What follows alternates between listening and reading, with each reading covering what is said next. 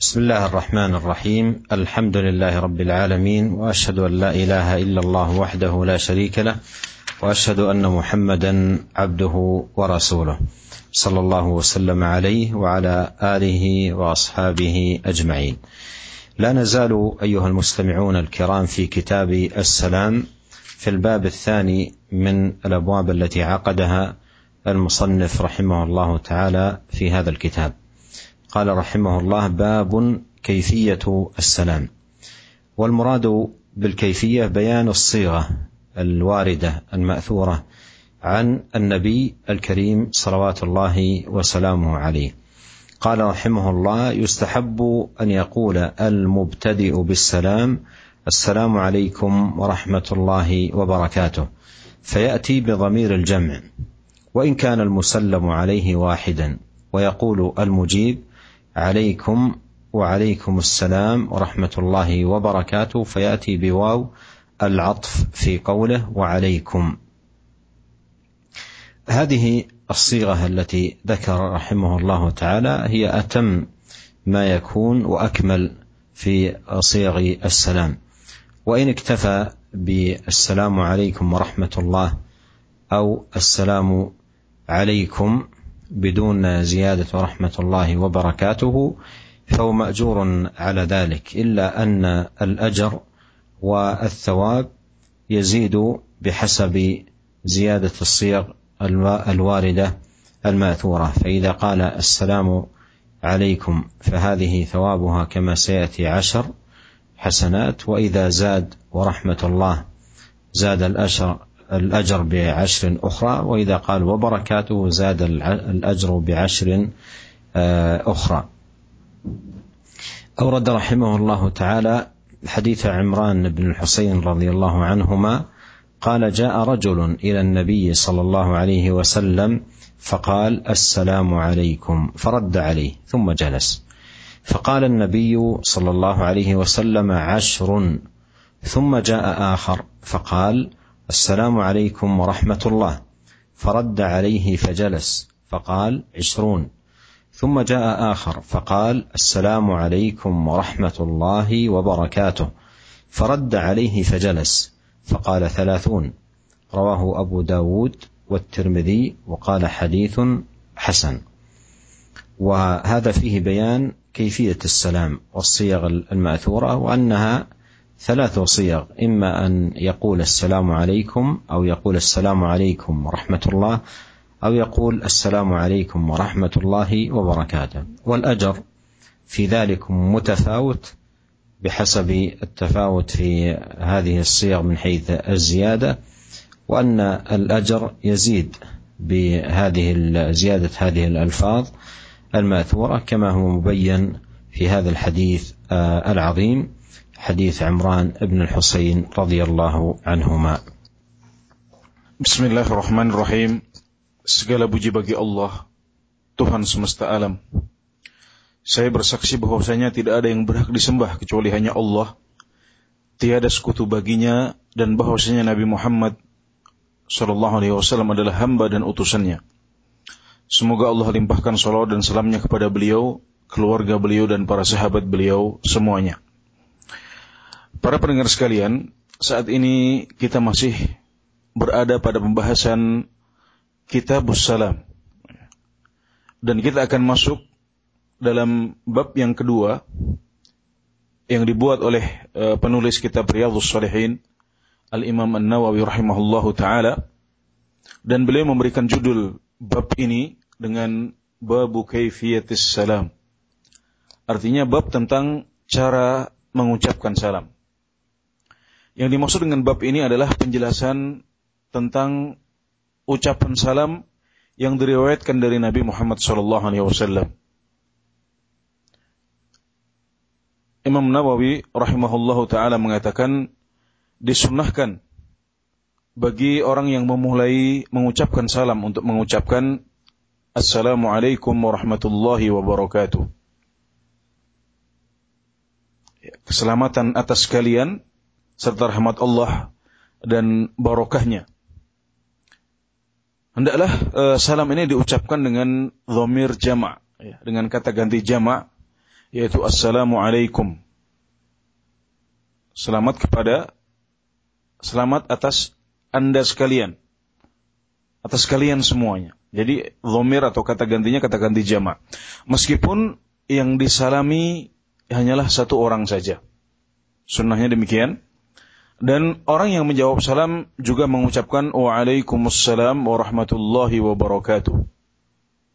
Dengan memberikan kata ganti atau kata sambung dan di depannya. Waalaikumsalam warahmatullahi wabarakatuh. Dan atas kalian juga keselamatan serta rahmat Allah dan barokahnya.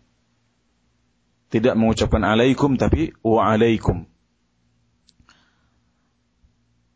Kemudian Imam Nawawi rahimahullah taala menyebutkan sebuah hadis yang diriwayatkan oleh Abu Dawud dan At-Tirmidzi dengan sanad yang hasan dari Imran bin Al-Husain radhiyallahu anhu radhiyallahu anhuma. Beliau berkata seorang pria telah datang kepada Nabi Muhammad sallallahu alaihi wasallam kemudian mengatakan assalamualaikum maka kemudian Nabi Muhammad SAW menjawab salam itu dan orang itu pun duduk. Nabi Muhammad SAW mengatakan ashrun, ya, sepuluh kebaikan. Kemudian datang seorang pria yang lain dan mengatakan Assalamualaikum warahmatullah. Maka Nabi Muhammad SAW menjawab salam tersebut dan duduk. Dan orang itu duduk. Kemudian Nabi SAW mengatakan 20 Maksudnya 20 kebaikan. Dan datang orang yang ketiga dan mengatakan Assalamualaikum warahmatullahi wabarakatuh.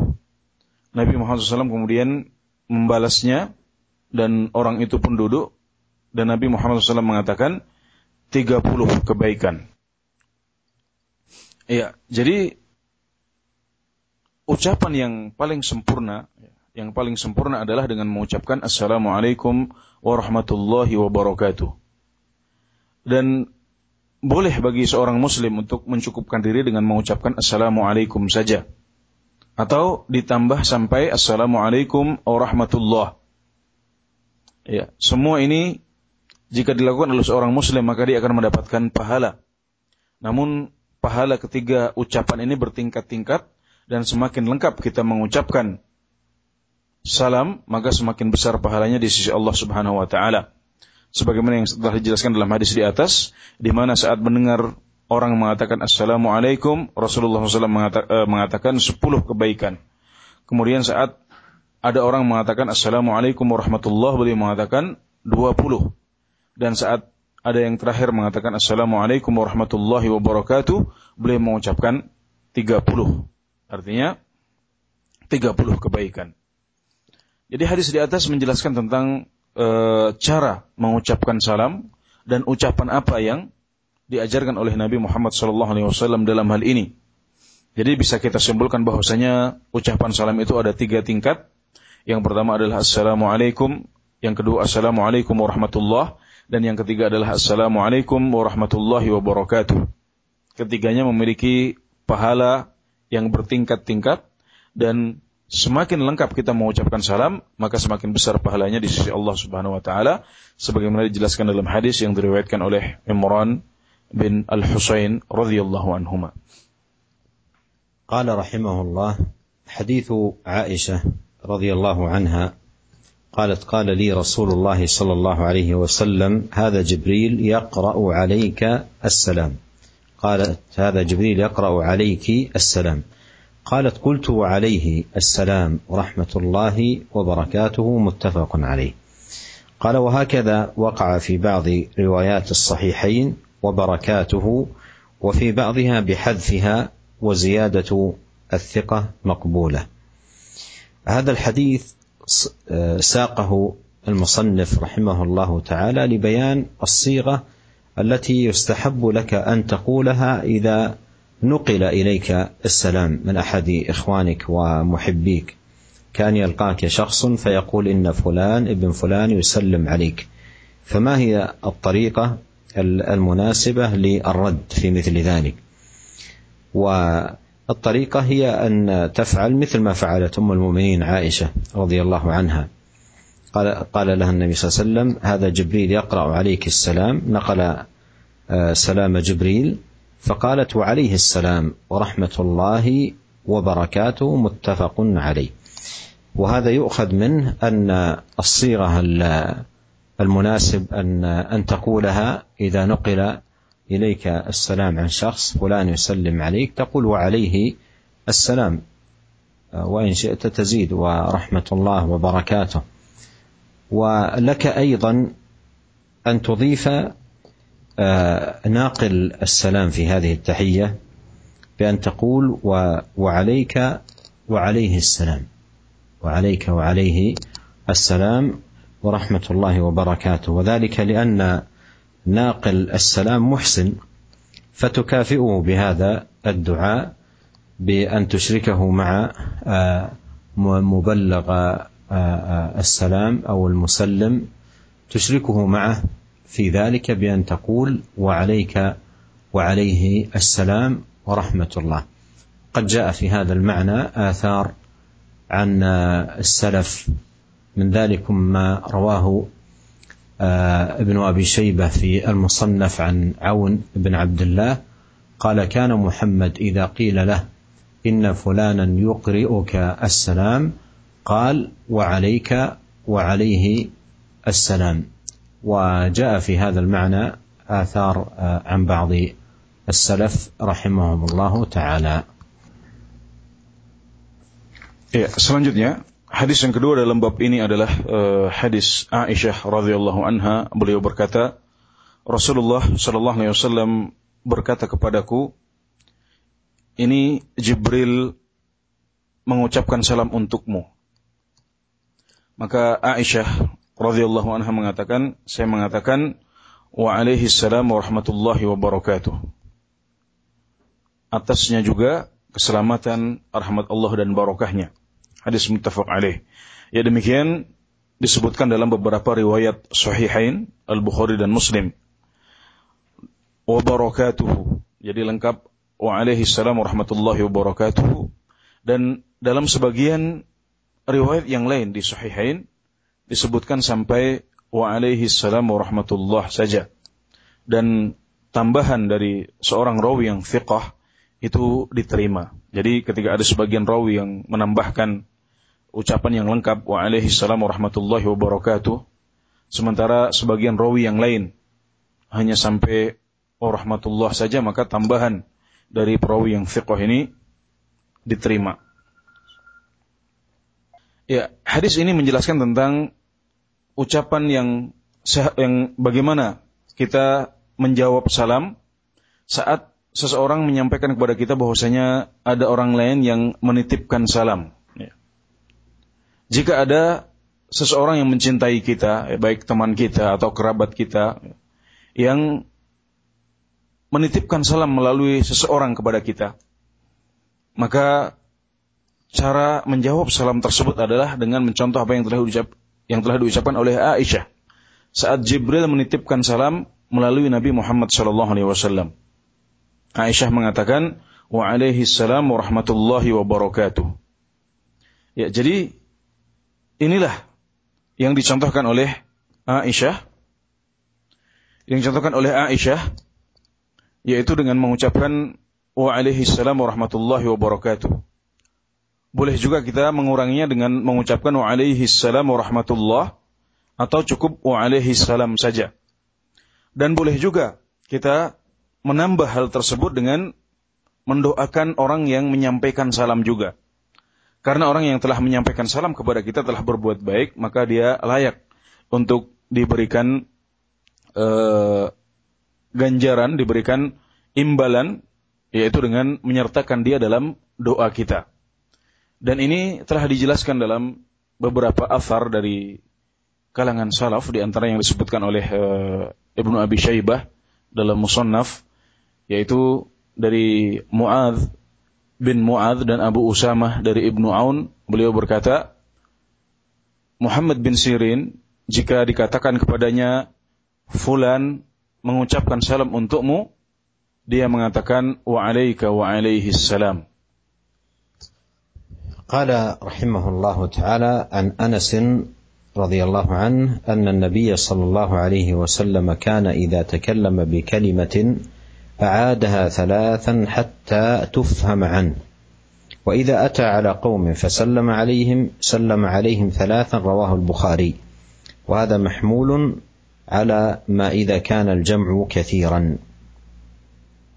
هذا الحديث فيه أن النبي عليه الصلاة والسلام إذا تكلم بالكلمة في موعظته ونصحه وبيانه يعيد الكلمة ثلاثا من أجل أن تفهم. وإذا سلم على قوم أعاد السلام عليهم ثلاثا أي ليتحقق من بلوغه لجميعهم. وبين النووي رحمه الله أن هذا الحديث محمول إذا كان الجمع كثيرا. إذا دخل على أناس وهم جمع كثير يسلم حتى يسمعه الأدنى منهم ثم يسلم حتى يسمعه الأوسط ويسلم حتى يسمع آخرهم. فهذا فيه حرص النبي عليه الصلاة والسلام على إشاعة السلام وبلوغه جميع من يلقاهم صلوات الله وسلامه وبركاته عليه. Hadis yang ketiga adalah hadis yang diriwayatkan oleh Anas radhiyallahu anhu bahwasanya Nabi Muhammad sallallahu alaihi wasallam jika beliau mengucapkan sebuah kalimat ya, beliau mengulanginya sampai tiga kali agar kalimat tersebut dipahami oleh orang yang mendengarnya. Dan jika beliau mengucapkan salam atas suatu kaum, maka beliau mengucapkan salam ini juga tiga kali. Hadis riwayat Al-Bukhari.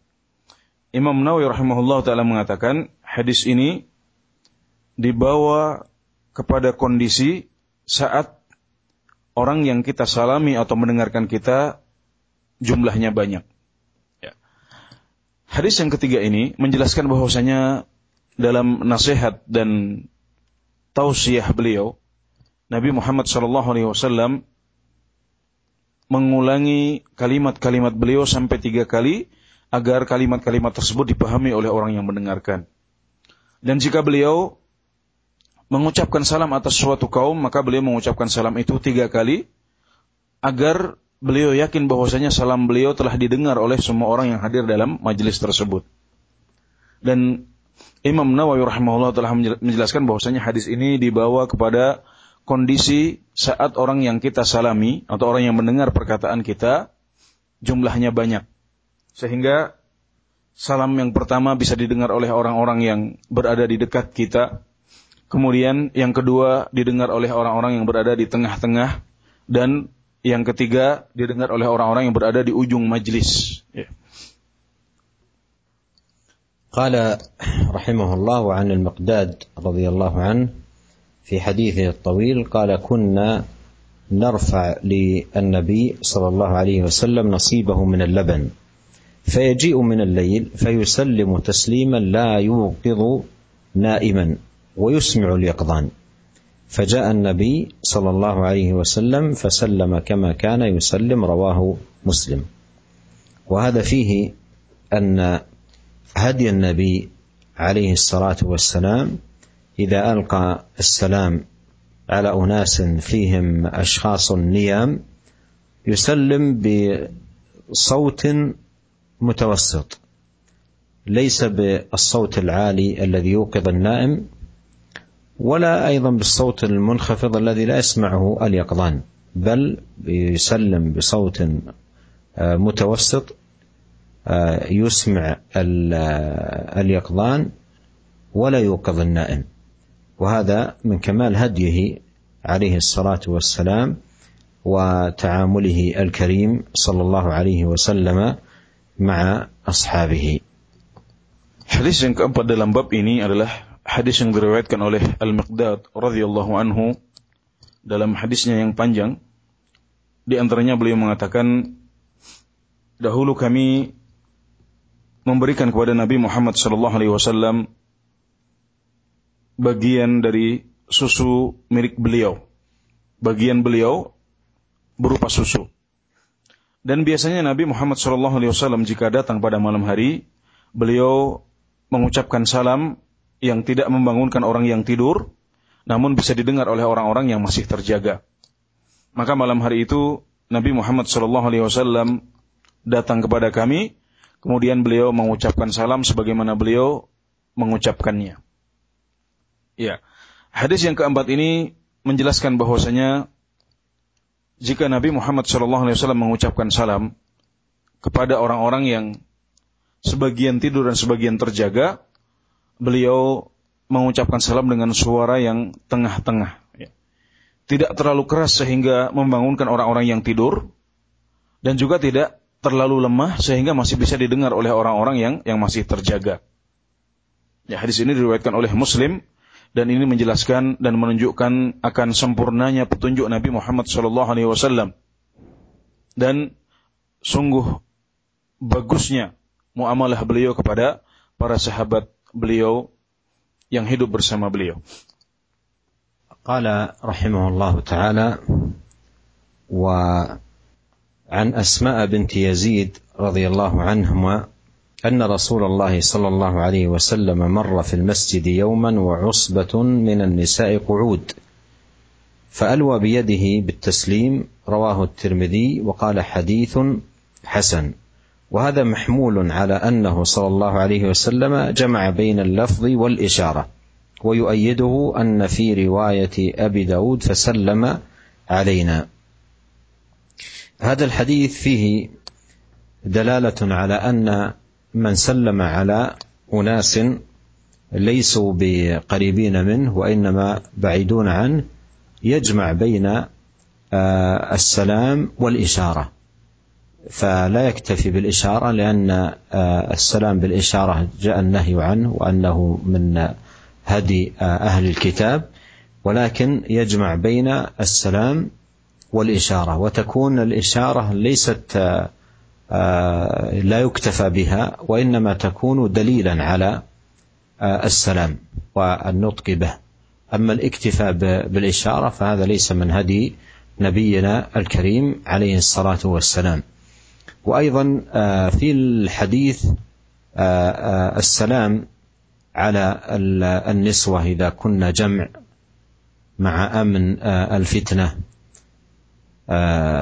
أما سلام الرجل على المرأة الأجنبية عنه يلقاها فيسلم عليها فهذا ليس من هدي النبي صلى الله عليه وسلم لما في ذلك من الفتنة فضلا عن المصافحة.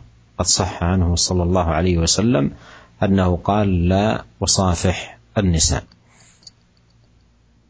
Hadis yang kelima dalam bab ini adalah hadis yang diriwayatkan oleh Tirmidzi dengan sanad yang hasan dari Asma bintu Yazid radhiyallahu anha bahwasanya Rasulullah sallallahu alaihi wasallam suatu ketika melewati masjid. Dan saat itu sekelompok wanita sedang duduk-duduk di masjid. Maka beliau memberikan isyarat dengan tangan beliau dan mengucapkan salam. Imam Nawawi rahimahullah taala mengatakan dan hadis ini dibawa kepada kondisi bahwasanya Nabi Muhammad wasallam mengumpulkan antara lafaz dan isyarah, mengumpulkan antara ucapan salam dan memberikan isyarat. Dan pemahaman ini diperkuat oleh riwayat Abu Dawud yang mengatakan fasallama alaina. Maka Nabi Muhammad SAW mengucapkan salam kepada kami. Ya. Hadis yang kelima ini memberikan petunjuk bahwasanya barang siapa yang menyampaikan salam kepada orang-orang yang berada tidak dekat dengan kita ya, atau agak jauh dari kita, hendaklah dia mengumpulkan antara isyarat dan salam dengan memberikan tanda ya, tangan yang bergerak sebagai isyarat ditambah dengan ucapan salam dari dari mulut kita. Tidak cukup dengan memberikan isyarat saja dari jauh, namun harus ditambahkan kepadanya salam, ucapan salam. Karena dalam sebagian hadis disebutkan bahwasanya kalau kita memberikan bahwasanya memberikan isyarat saja tanpa salam, ya saat memberikan salam kepada orang yang agak jauh posisinya, itu adalah e, sunnahnya ahli kitab. Itu bukan petunjuk Nabi Muhammad SAW, tapi adalah perbuatan ahli kitab. Jadi isyarat saja tidak cukup dan dia hanyalah sebagai tanda ya sebagai petunjuk bahwasanya kita sedang mengucapkan salam jika dikhawatirkan orang-orang yang di jauh tersebut tidak mendengar salam kita. Kemudian hadis ini juga menjelaskan bahwasanya boleh menyampaikan salam kepada sekelompok wanita yang kita lewati jika kita merasa aman dari fitnah atau godaan. Adapun bila kita bertemu dengan wanita yang asing yang bukan mahram kita, kemudian kita mengkhawatirkan ada fitnah terjadi, dikhawatirkan terjadi godaan, maka kita tidak perlu mengucapkan salam karena itu bukanlah contoh yang diberikan oleh Nabi Muhammad SAW. Tidak perlu mengucapkan salam, apalagi berjabat tangan dengan para wanita tersebut, karena dalam hadis yang lain disebutkan bahwasanya Nabi Muhammad SAW bersabda, saya tidak memegang tangan para wanita. قال رحمه الله عن أبي جري الهجيمي رضي الله عنه قال أتيت رسول الله صلى الله عليه وسلم فقلت عليك السلام يا رسول الله. قال لا تقل عليك السلام فإن عليك السلام تحية الموتى. رواه أبو داود والترمذي وقال حديث حسن صحيح وقد سبق بطوله. وأيضا سبق شرح الحديث بتمامه واستخلاص اثنتا عشرة فائدة مهمة من هذا الحديث العظيم. وقوله وعليك السلام تحية الموتى في قوله في هذا الحديث قلت عليك السلام يا رسول الله قال لا تقل عليك السلام فإن عليك السلام تحية الموتى قل السلام عليكم وهذا فيه أن تحية الإسلام هي أن يبدأ بالدعاء قبل ذكر المدعو له. لا يقال عليك هذا هو المدعو له وإنما يبدأ بالسلام. الدعاء أولا يقال السلام عليك ولا شك أن هذا هو الأكمل وهو الذي جاء به الهدي عن رسول الله صلى الله عليه وسلم. فنهاه النبي صلى الله عليه وسلم أن يقول عليك السلام وأمره أن يقول السلام عليكم بأن يبدأ بالدعاء قبل ذكر المدعو له. وقوله السلام قوله عليك السلام تحية الموتى ليس المراد أن المشروع في التحية للموتى أن يقدم المدعو له على ذكر الدعاء بل التحية للموتى التي جاء بها الإسلام كالتحية للأحياء في تقديم الدعاء على ذكر المدعو له. ففي السلام على الأحياء يقال السلام عليكم ورحمة الله وبركاته وفي السلام على الأموات يقال السلام عليكم دار قوم المؤمنين. إلى آخر الدعاء المعروف لا يقال عليكم السلام دار قوم وإنما يقال السلام عليكم بتقديم الدعاء على المدعو له. وقوله في هذا الحديث عليك السلام تحية الموتى المراد به فيما ألفوه واعتادوا عليه لا فيما جاء به الإسلام. أن هذا شيء ألفوه ولا سيما في أشعارهم. إذا أراد أن يسلم على ميت قال عليك السلام أو عليك مني السلام أو نحو ذلك هذا الذي ألفوه. فقوله عليه فقوله عليك السلام تحية الموتى أي فيما ألفتموه واعتدتم عليه لأن هذا هو هدي الإسلام في هذا الباب. والشاهد أن تحية الموتى مثل تحية الأحياء من حيث تقديم الدعاء على ذكر المدعو له Hadis yang keenam dan yang terakhir dalam bab ini adalah hadis yang diriwayatkan oleh uh, Abu Dawud dan Tirmidzi dengan sanad hasan sahih dari Abu Jurai Al-Hujaimi radhiyallahu anhu beliau berkata saya mendatangi Rasulullah sallallahu alaihi wasallam maka saya mengatakan alaikassalam ya Rasulullah. Alaikassalam wahai Rasulullah. Maka beliau mengatakan jangan katakan alaikassalam karena alaikassalam adalah salam untuk orang-orang yang sudah meninggal. Ya kata Imam Nawawi hadis ini telah kita pelajari bersama sebelumnya, telah uh, lewat sebelumnya secara lengkap. Ya, hadis yang di depan kita ini, hadis Abu Jurai Al-Hujaimi, telah kita pelajari bersama beberapa waktu yang lalu. Dan hadis panjang ini telah kita keluarkan darinya 12 faedah ilmiah yang penting. Ya, hadis ini menjelaskan bahwasanya petunjuk Islam yang dicontohkan oleh Nabi Muhammad SAW adalah memulai salam dengan doa dahulu sebelum menyebutkan orang yang didoakan. Dengan mengucapkan Assalamualaikum atau Assalamu alaika. Jadi salam dahulu, doa dahulu, baru kemudian alaikum, yaitu menyebutkan orang yang yang kita doakan. Iya, kemudian hadis ini menjelaskan bahwasanya kita dilarang untuk mengucapkan alaikas salam.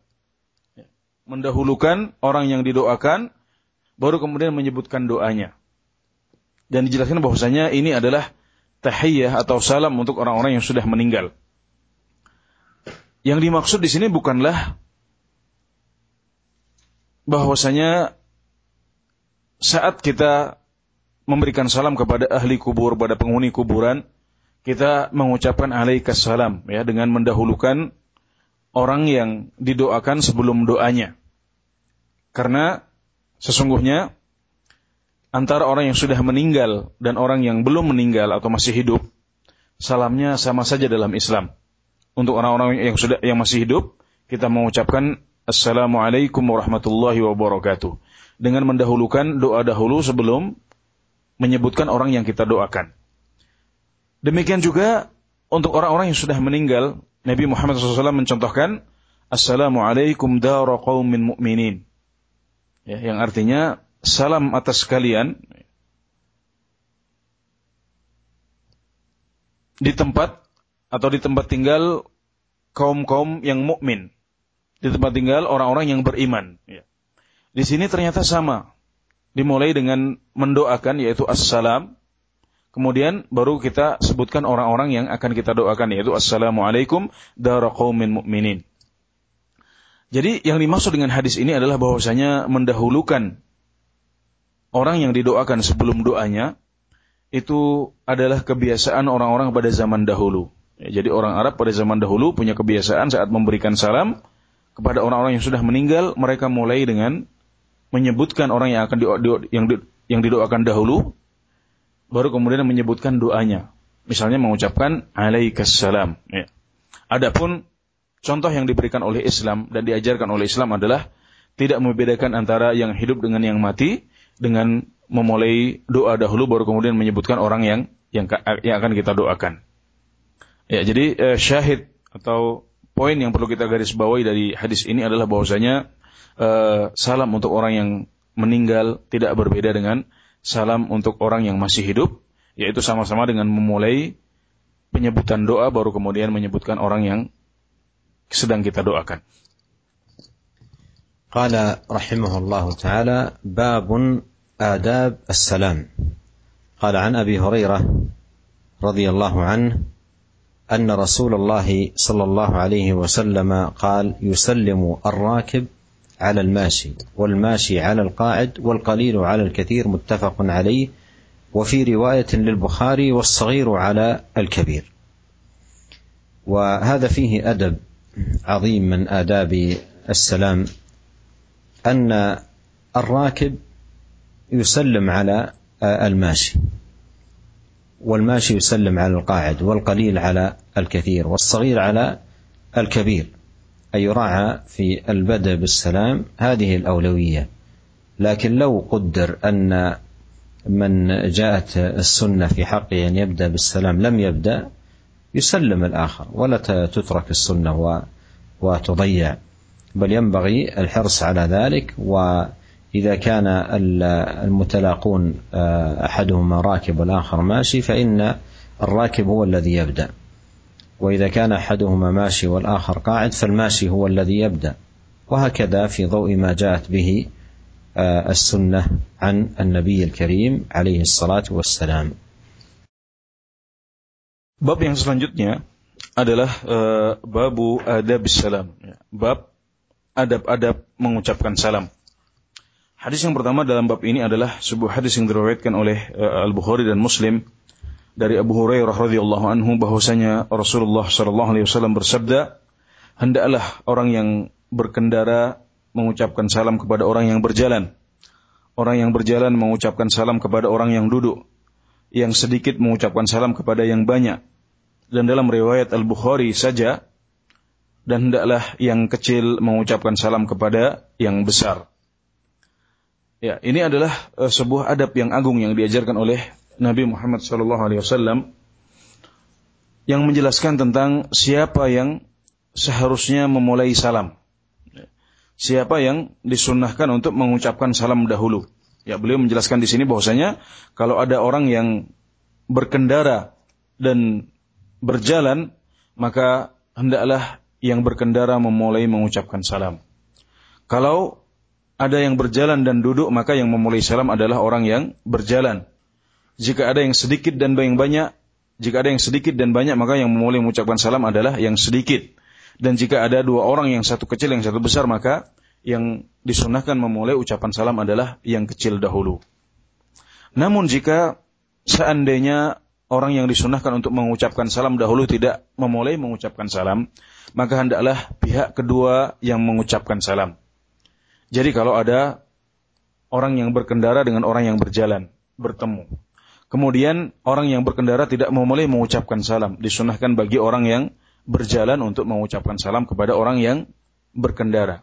Kalau ada orang yang berjalan dengan orang yang duduk, kemudian yang berjalan tidak mengucapkan salam, maka hendaklah yang sedang duduk mengucapkan salam dahulu untuk orang yang yang sudah berjalan dan inilah yang telah dicontohkan oleh Nabi Muhammad sallallahu alaihi wasallam teladan kita. قال رحمه الله تعالى وعن أبي أمامة صدي بن عجلان الباهلي رضي الله عنه قال قال رسول الله صلى الله عليه وسلم إن أولى الناس بالله من بدأهم بالسلام رواه أبو داود بإسناد جيد ورواه الترمذي عن أبي أمامة رضي الله عنه قيل يا رسول الله الرجلان يلتقيان أيهما يبدأ بالسلام؟ قال أولاهما بالله تعالى. قال الترمذي هذا حديث حسن. وهذا فيه أيها الإخوة المستمعون الكرام فضل من يبدأ بالسلام. فضل من يبدأ بالسلام وأنه أولى بالله سبحانه وتعالى بأن يوفقه الله وأن يسدده وأن يحفظه.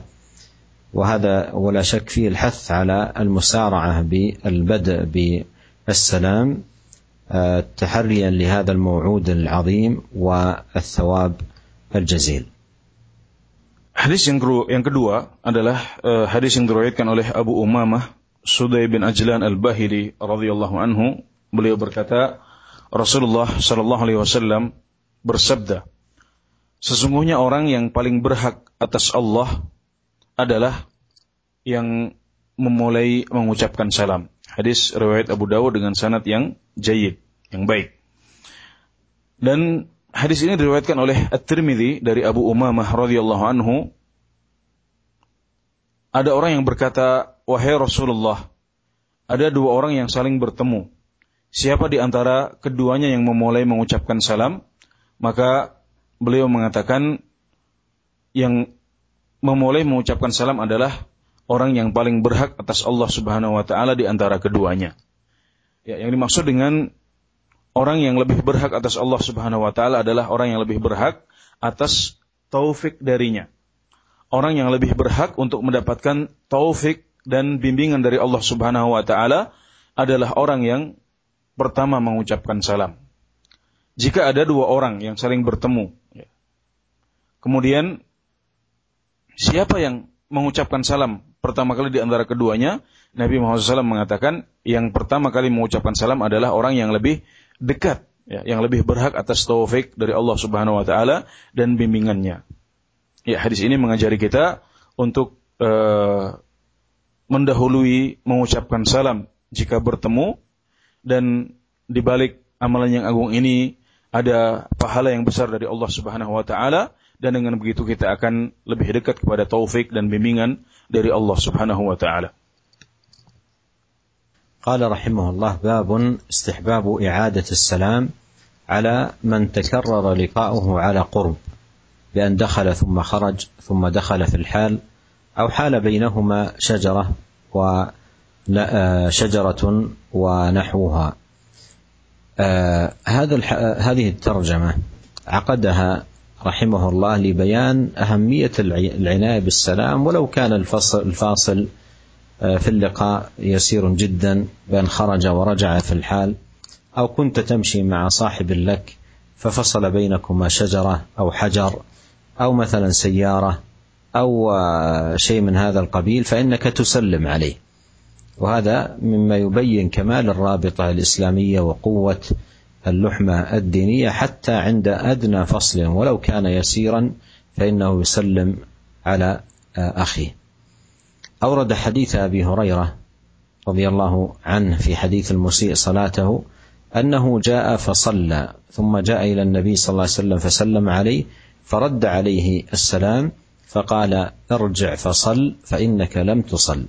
فرجع فصلى ثم جاء فسلم على النبي صلى الله عليه وسلم حتى فعل ذلك ثلاث مرات متفق عليه. والشاهد من هذه القصة قصة الرجل في هذا الحديث المشهور بحديث المسيء صلاته أنه في كل مرة كان يرجع إلى النبي صلى الله عليه وسلم يلقي عليه السلام مرة ثانية ويرد عليه النبي صلى الله عليه وسلم السلام وهو معه داخل المسجد. فهذا يفيد أنه إذا انفصل ولو انفصال يسير ثم رجع فإنه يلقي السلام. وهكذا الحديث الذي بعده حديث أبي هريرة عن رسول الله صلى الله عليه وسلم قال إذا لقي أحدكم أخاه فليسلم عليه فإن حالت بينهما شجرة أو جدار أو حجر ثم لقيه فليسلم عليه رواه أبو داود. وهذا فيه كما قدمت الحث على العناية الدقيقة بالسلام. حتى لو كنت قد سلمت عليه ومشيت معه ففصل بينكم فاصل يسير من حجر أو شجرة أو جدار أو مثلا سيارة أو شيء من هذا القبيل فإنك تسلم عليه. وهذا مما يبين عظم الرابطة الإسلامية وتحقيق الأخوة الدينية وهو من كمال هذه الشريعة المباركة. والله تعالى a'lam. Ya, bab yang selanjutnya adalah bab e, disunahkannya mengulangi salam atas orang yang berkali-kali ketemu dengan kita meskipun jaraknya jarak waktunya hanya dekat. Yaitu jika dia masuk ke sebuah ruangan kemudian keluar lagi dan masuk lagi di waktu yang sama. Atau keduanya berjalan bersama-sama kemudian terhalang oleh e, batu atau yang lain. Ya, e, bab ini menjelaskan kepada kita tentang pentingnya memperhatikan salam. Ya. Kita diajarkan untuk mengucapkan salam dan mengulangi salam pada orang yang sebelumnya sudah kita beri salam karena kita terpisah dengan orang tersebut meskipun dengan jarak pisah yang hanya sedikit saja. Hal ini menjelaskan akan sempurnanya ikatan ukhuwah dan persaudaraan di antara sesama muslim. Sehingga meskipun hanya berpisah sebentar saja, ya, bahkan nyaris tidak terpisahkan, hanya terpisahkan oleh dinding atau tembok atau batu atau pohon, kita diajarkan oleh Islam untuk mengucapkan salam lagi saat bertemu setelah berpisah. Ya, ini dijelaskan dalam dua hadis yang ada dalam bab ini. Yang pertama adalah hadis Abu Hurairah radhiyallahu anhu yang menjelaskan tentang orang yang salah-salah dalam sholatnya. Ya, suatu saat dia datang kemudian sholat, maka dia datang kepada Nabi Muhammad Wasallam dan mengucapkan salam atas beliau. Maka Nabi pun Wasallam menjawab salam dia. Kemudian beliau mengatakan, kembalilah, sholatlah lagi sesungguhnya engkau belum sholat.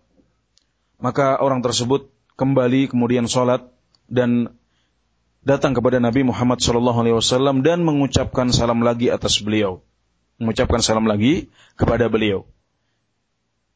Begitu selalu berkali-kali sampai tiga kali. Ini hadis muttafaq alaih. Hadis ini menjelaskan kepada kita bahwasanya orang yang telah mengucapkan salam atas orang lain. Kemudian keduanya terpisah meskipun waktu pisahnya tidak lama maka disunahkan bagi orang yang sudah mengucapkan salam tadi untuk mengucapkan salam kembali. Ya. Dalam hadis ini, uh, orang yang salah-salah dalam sholatnya atau al-musi tahu ini datang kepada Nabi Muhammad Shallallahu Wasallam, ya kemudian mengucapkan salam dan dia disuruh keluar untuk mengulangi sholatnya, maka ketika dia kembali lagi menemui Rasulullah SAW, dia pun mengucapkan salam lagi. Ya. Padahal keduanya masih terkumpul dalam satu masjid. Ya, jadi orang yang salah-salah sholatnya ini juga belum keluar dari masjid. Namun beliau kembali mengucapkan salam saat akan menemui Nabi Muhammad SAW.